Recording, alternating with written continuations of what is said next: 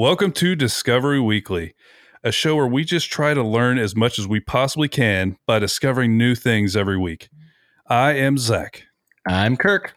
and I discovered something terrifying this week. And it's the terrifying things that radiation can do to you. And not Mm. normal radiation that you understand in general or like have to be around sometimes, space radiation. It's one of the main things that NASA JPL has to take into account that we never really think about. Because literally, long term radiation in space is so deadly because the atmosphere saves us from so much of the radiation that's just free flowing in space.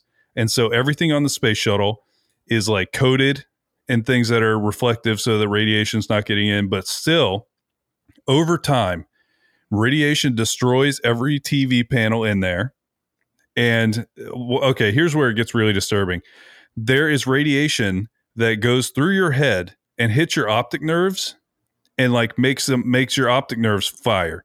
So Oh, I've like that. see see it like when it happens, you just like see flashes of light.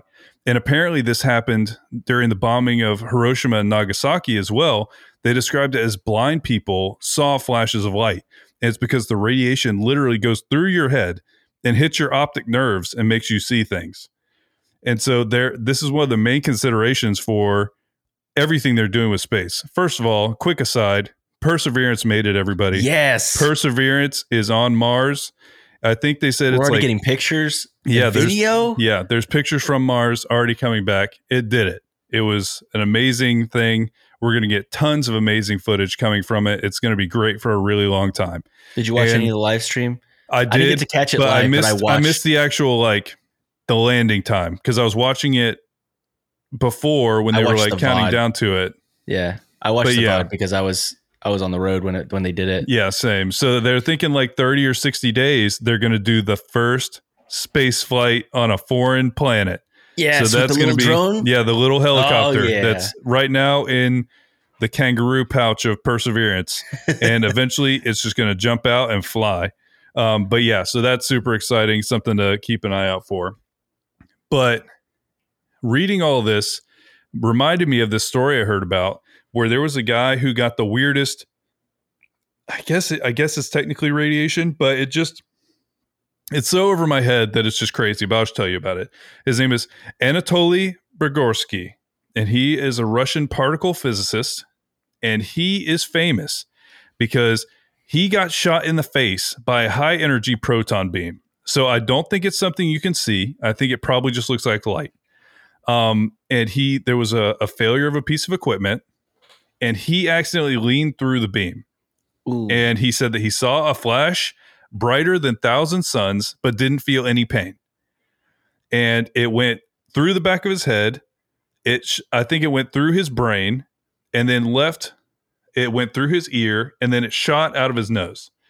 And what? they think that he was heavily irradiated. They only found this out after, and this is the really disturbing part. So, slightly disturbing. Here's here's what's coming. Um, so the entire left side of his face swelled up so that you could not recognize what he looked like, Mm. and then it all started to like peel to the point where you could see a hole that went straight through his face, like well through his head Nope. and they thought for sure this guy was going to die. So the Russians took him to the hospital literally to monitor him dying because they're like, you cannot possibly survive this. Not only did he survive this, he survived. He Did he completed his? PhD. He continued working as a particle physicist, Pretty and he had virtually no damage to his intellectual capacity. And all that would essentially, like, he would get more tired when working on some of these things.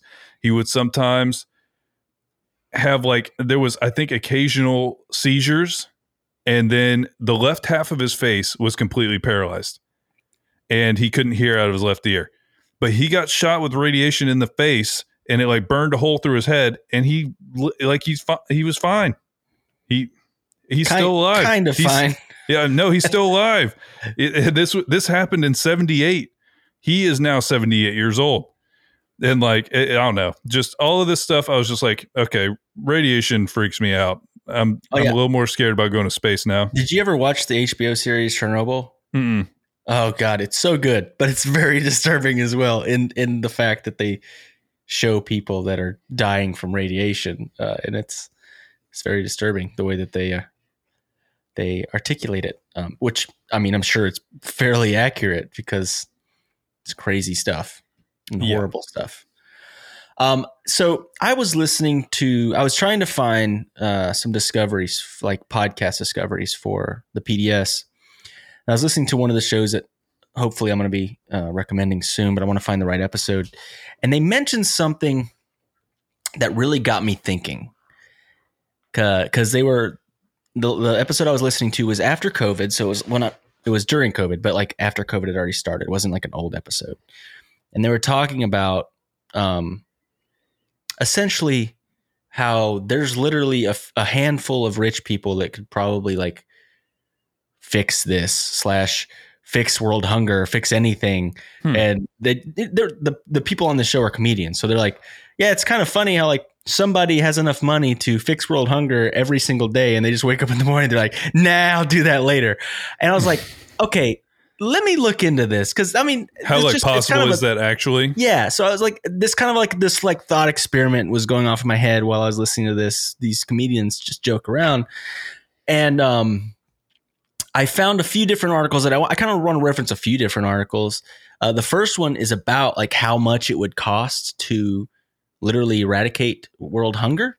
I found an, an article from the guardian that talks about ending world hunger by 2030 would cost 330 billion dollars uh, so this is what they they they they did it with Hmm. um with the German government along with uh, basically a branch of the the Melinda and Bill Gates Foundation. And they said research groups compiled data from 23 countries and found international donors would need to add another 14 billion a year to their spending on food security and nutrition over the next 10 years, which is more than twice their current contribution. Um, and they, they they this article's it's it's fairly short, but they talk about you know how much would be needed to be able to end world hunger. And I was like, okay, well, that, that's a lot of money. Of course, it's a lot of money, but is there people that have enough money to be able to actually put a dent in that? And that's you know that's in ten years almost. And so I was looking at the the richest people. So you got Elon Musk, who apparently just overtook Bezos, which is Mhm. kind of crazy. You know, um, you'd think Bezos would be a little bit, but it's it's they're close enough. They're both billionaires. Um, No, big big billions, multiple billions. yeah. So Elon Musk is at currently this is their net worth of 197 billion, and right now he's the richest man in the world. Followed closely behind by Jeff Bezos, who's 182 billion. So basically, just those two guys themselves could end world hunger. Like two people, two people, just two could end world hunger.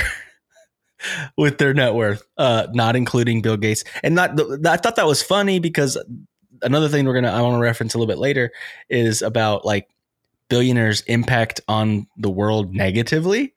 Because I hadn't thought about this either, but billionaires have a much higher carbon footprint than a regular person ever would even imagine having. Oh yeah. Um, and it's kind of funny because this article from the Guardian was partially done by Bill Gates, who is one of the biggest. He, he's fairly okay compared to some of the other richest 10 Mhm. richest people in the world, but he's still like He's very rich. multiples multiples more of a carbon footprint than us. Um, but he's the third with 132 billion. So these three people together They'd have two they'd people have change together, left over. And- yeah, exactly. You get the first five go together, and then they're still billionaires. Yeah. They're No, they can still- literally get rid of world hunger and still be, you know, in the three comma club. We just, need- we just need to hop on the phone with them. You know, we just need to let them know how how simple it would be. It's just kind of it, it. It started as a joke, in, in you know, in this podcast, and then Yeah. it kind of hit me in my brain. I'm like, you know, it's it is kind of crazy because. And I'm not saying that there shouldn't be rich people in the world. I, I don't, you know, people earn what they earn and, and and all that stuff. But there's there is a point in which there's I feel like there's a a point in which wealth isn't even useful anymore. You can't even spend it even if you tried to spend that much money on yourself because there's not there's not enough things that you could buy. Yeah, no, there's not. so it's Like, it's I don't that's know. like It's just buy one of those country's money. Yeah, yeah, literally. Um, but the the thing I wanted to end on, which I guess is a little bit of a downer, but it was it, it's that other concept of are billionaires bad for the environment? So I found this popular science. I love popular science. They they have some really good articles, and there's this article that they talk about, and they they just really break down the carbon footprint of these billionaires. And um, it says Tesla's Elon Musk and Amazon's Jeff Bezos have been vying for the world's richest person ranking all year after the former's wealth soared a staggering 160 billion in 2020, putting him briefly in the top spot. Um, Musk isn't alone in seeing a significant increase in wealth during a year of pandemic, recession, and death. Altogether, the world's billionaires saw their wealth surge over 1.9 trillion in 2020, according to Forbes magazine. Those are astronomical numbers, and it's hard to get one's head around them without some context. An an- anthropologist who studies energy and consumer culture, we want to examine how all that wealth translated into consumption and the resulting carbon footprint. And then they kind of go with how they use this almost like an equation and all these other things that they do in their lifestyle that would make their carbon footprint bigger. Uh, and it says the wealthy own yachts, planes, and multiple mansions, all of which contribute greenhouse gases to the atmosphere. For example, a super yacht with a perimeter, a, a, a permanent crew, helicopter pad, submarines, and pools emits about 7,200 tons of CO2 a year. According to our calculations, making it by far worst asset to own from an environmental standpoint. Transporting and real estate make up the lion's share of most people's carbon footprint, so we focused on calculating those categories for each billionaire. Um, and so they talk about all the different ways that they do this math. It says to get a sense of perspective, let's start with the carbon footprint of a regular person. So, someone like us, residents of the US, including billionaires, emitting emitted about 15 tons of CO2 per person in 2018. The global average footprint is smaller at just about 5 tons per person. So, let's say somewhere in the middle because the the average American is going to, you know, have a larger carbon footprint than other places, you know, Yeah. third world countries and everything. And so, let's say around 10. Let's say 10 tons per person. So, let's talk about these billionaires and uh, what their footprint might be. Bill Gates, currently the world's fourth richest person, is a modest polluter by billionaire standards and is typical to those who may not own a giant yacht but make up for it with private jets. So his main thing is private jets and he has a lot of homes. I did not know he has that many homes.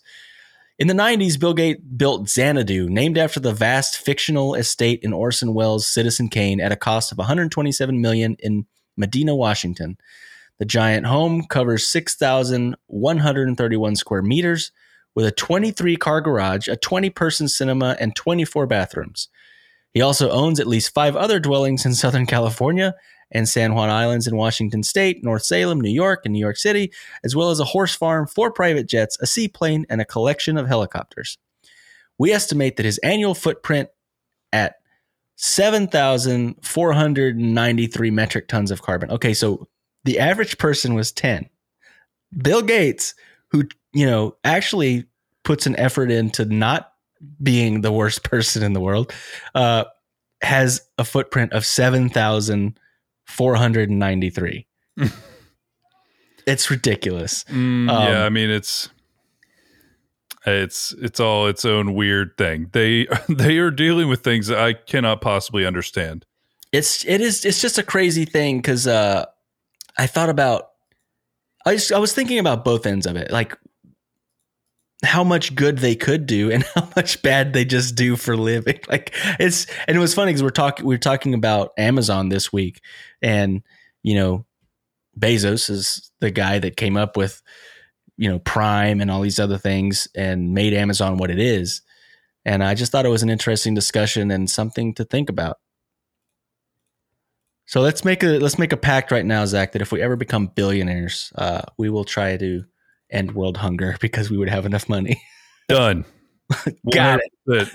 You can quote us on that, guys. When we be, when we become billionaires, we'll end world hunger. yeah, done. I discovered something that I think is uh it's just a fun discovery. I found this article from Huffington Post that's about how they've taught pigs. Well, they did a study, and the study found that pigs can be trained to play video games with their snouts. um, and it's great. Uh, it, and by the way, there's like a video that accompanies it, and these pigs are so cute because they're like the little ones. So freaking cute. I'll give you some of the names of the pigs. So there's uh one of the names pigs. One of the pigs' name was Hamlet, Omelet, Hamlet, uh, Ebony, and Ivory. These and names. those were the four pigs uh, that that were in this test. Um, in the article, pigs are highly intelligent creatures, and a study revealed released on Tuesday has revealed that they're skilled gamers as well. These pigs were trained at a rudimentary joystick operated video game task that had originally been created to test chimpanzees and rhesus monkeys. They learned how to manipulate a joystick with their snouts to make a to move a computer cursor across a screen. Once they maneuvered the cursor to hit a wall, a treat dispensed dispenser connected to the joystick would deliver a snack. It almost seems like it was more like a, like like a maze because there was different numbers of walls, and it would actually get harder. Like it would be like you beat this level, now go to the next level. It's a little bit harder, which I thought was even cooler. It says Hmm. the game had varying difficulty levels, and the number of walls that appeared on screen decreased from four to one. So it, was, it wasn't like really as much of a maze as like they just had to move the cursor to hit a wall Hmm. but there's less walls to hit as it got more difficult. Um, the pigs, all of whom were farsighted, eventually excelled at the game, though their performance varied at the higher difficulty levels. Wait, are pigs farsighted? Apparently, they are because they talked about how, like, even though they had issues, even like seeing the screen, they were still able to figure it out. Hmm. Um, there's a quote in here that says that the pigs achieved the level of success they did on a task that was significantly outside of their normal frame of reference in itself is remarkable.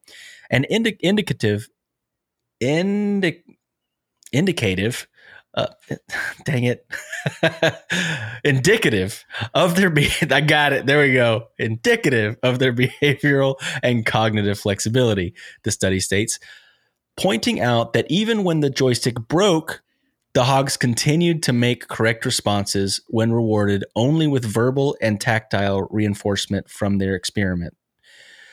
Uh, who experimenters who are also their primary caretakers. Um, they have some pictures of the pigs and stuff like that.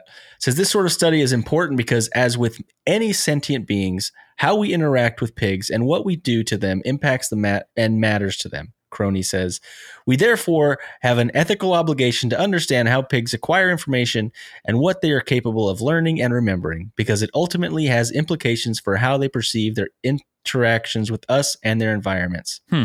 I feel like they're saying we shouldn't eat bacon in that quote, but I'm Uh, still going to eat It, bacon. yeah, no, I mean, it, the more you learn about how pigs are, it's going to make it tougher and tougher for you because they are very smart. They are very smart. Um, it.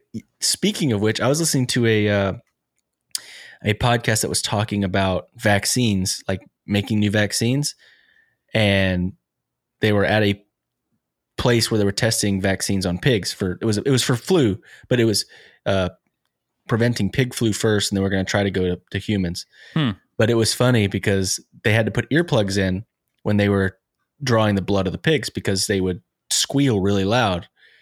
And pigs are so smart that the first one, the first pig is always the most calm because all the other pigs hear him and they just get more and more anxious until like the last pig is just like a frenzy of like going nuts. It's hard to catch him and he's squealing unstoppable because they're so smart that they, they Yeah. realize something bad's They're about like, to this happen keeps this keeps happening. Bad things keep happening everywhere. It's like it's like the like the cartoon when you like a, a kid goes to the dentist and they hear other kids like screaming and crying and they just get scared. yeah, that is one hundred percent what it's like. But yeah, um, I discovered, and it was actually something we were just talking about on the back porch. Did you ever do the floating arm trick? I Okay, Don't so, think so. for anybody who hasn't done this before, it's very easy to try this out. What you do is you stand in a doorway, so you or a hallway. You just need something on both sides of you, like symmetrically. And you stand there, you look straight ahead into the room, you lift both arms like out to your side until the backs of your hands are pressed against the door frame. And then uh, essentially you can do like it, you'll figure out a place where you can do this. But as soon as you hit the both of the back of your hands and are pressing it against the doorway, you stay there for a minute. So you count slowly to 60. And then when you stop pushing, like you stop at the end and step through the doorway and then relax, and your arms will like sub like subconsciously just go up. And this is a just this weird response because I remembered this happening in school. I think I do remember doing that. This was something that was like like a science class or something, even. I think so because it's essentially tricking your brain because y- your brain it it's very good. It's kind of like olfactory burnout in the sense where if it's doing something constantly, it gets used to it. So then when you stop, it's still kind of running on autopilot. And so you have this little moment in between. So I just wanted to throw out a little fun thing that people could try out to see science in go do that action. and blow Mason's mind and be like, "Hey, come here." You should do that to Mason and maybe record it because his mind is going to be blown when he does it. Whoa, and my arm's still moving. Yeah, it should be really good. oh, I have one more little bonus. Um, I saw this trailer for a documentary on Netflix, and it's called My Octopus Teacher. And while it sounds weird, it's not because what it is is there's a guy who I think that he was kind of going through a stressful time in his life, and he went out to the ocean and he would just go uh, free diving, you know, so snorkeling instead of like he wasn't scuba diving or anything. And he started going to coral reefs and he met an octopus there and he had like an interaction with it because octopus are very very smart animals too Mhm. they can they Mhm. do crazy stuff and for some reason he decided after having that inter- like that encounter with it to go back constantly and so he went back every day for like a hundred days and interacted with an octopus and like so it's this really cool thing about like animal intelligence and like it's obviously beautiful because they're in like a coral reef and you're seeing all of this. It looks really good. I haven't watched the movie yet, but I've seen the trailer and it looks really good. that is fascinating. I need I need to watch it. That sounds cool. I listened to a radio lab that was about like octopus and and scientists that would go and check the same octopus out for it was years. It was like tens of years that they this same octopus at the same spot. It was just a crazy story. So yeah, But I yeah, can imagine. There's that a cool dude- movie about that. Yeah, that's what I'm saying. It sounds awesome. Um, awesome. Well, all right, guys. Thank you so much for listening to this week uh, with Discovery Weekly, and we hope that you guys tune in next week. We'll talk to you then. Have a great week. Bye bye, everybody. Thanks Bye. for listening. You've been listening to a podcast of the Podfix Network. Discover more audible gems like this at podfixnetwork.com. Make sure to catch up to the minute network shenanigans by following at Podfix on Twitter, official underscore Podfix on Instagram, at Podfix Network on Facebook. And make sure to subscribe to Podfix Presents wherever you choose to find podcasts. The Podfix Network, artist owned and loved.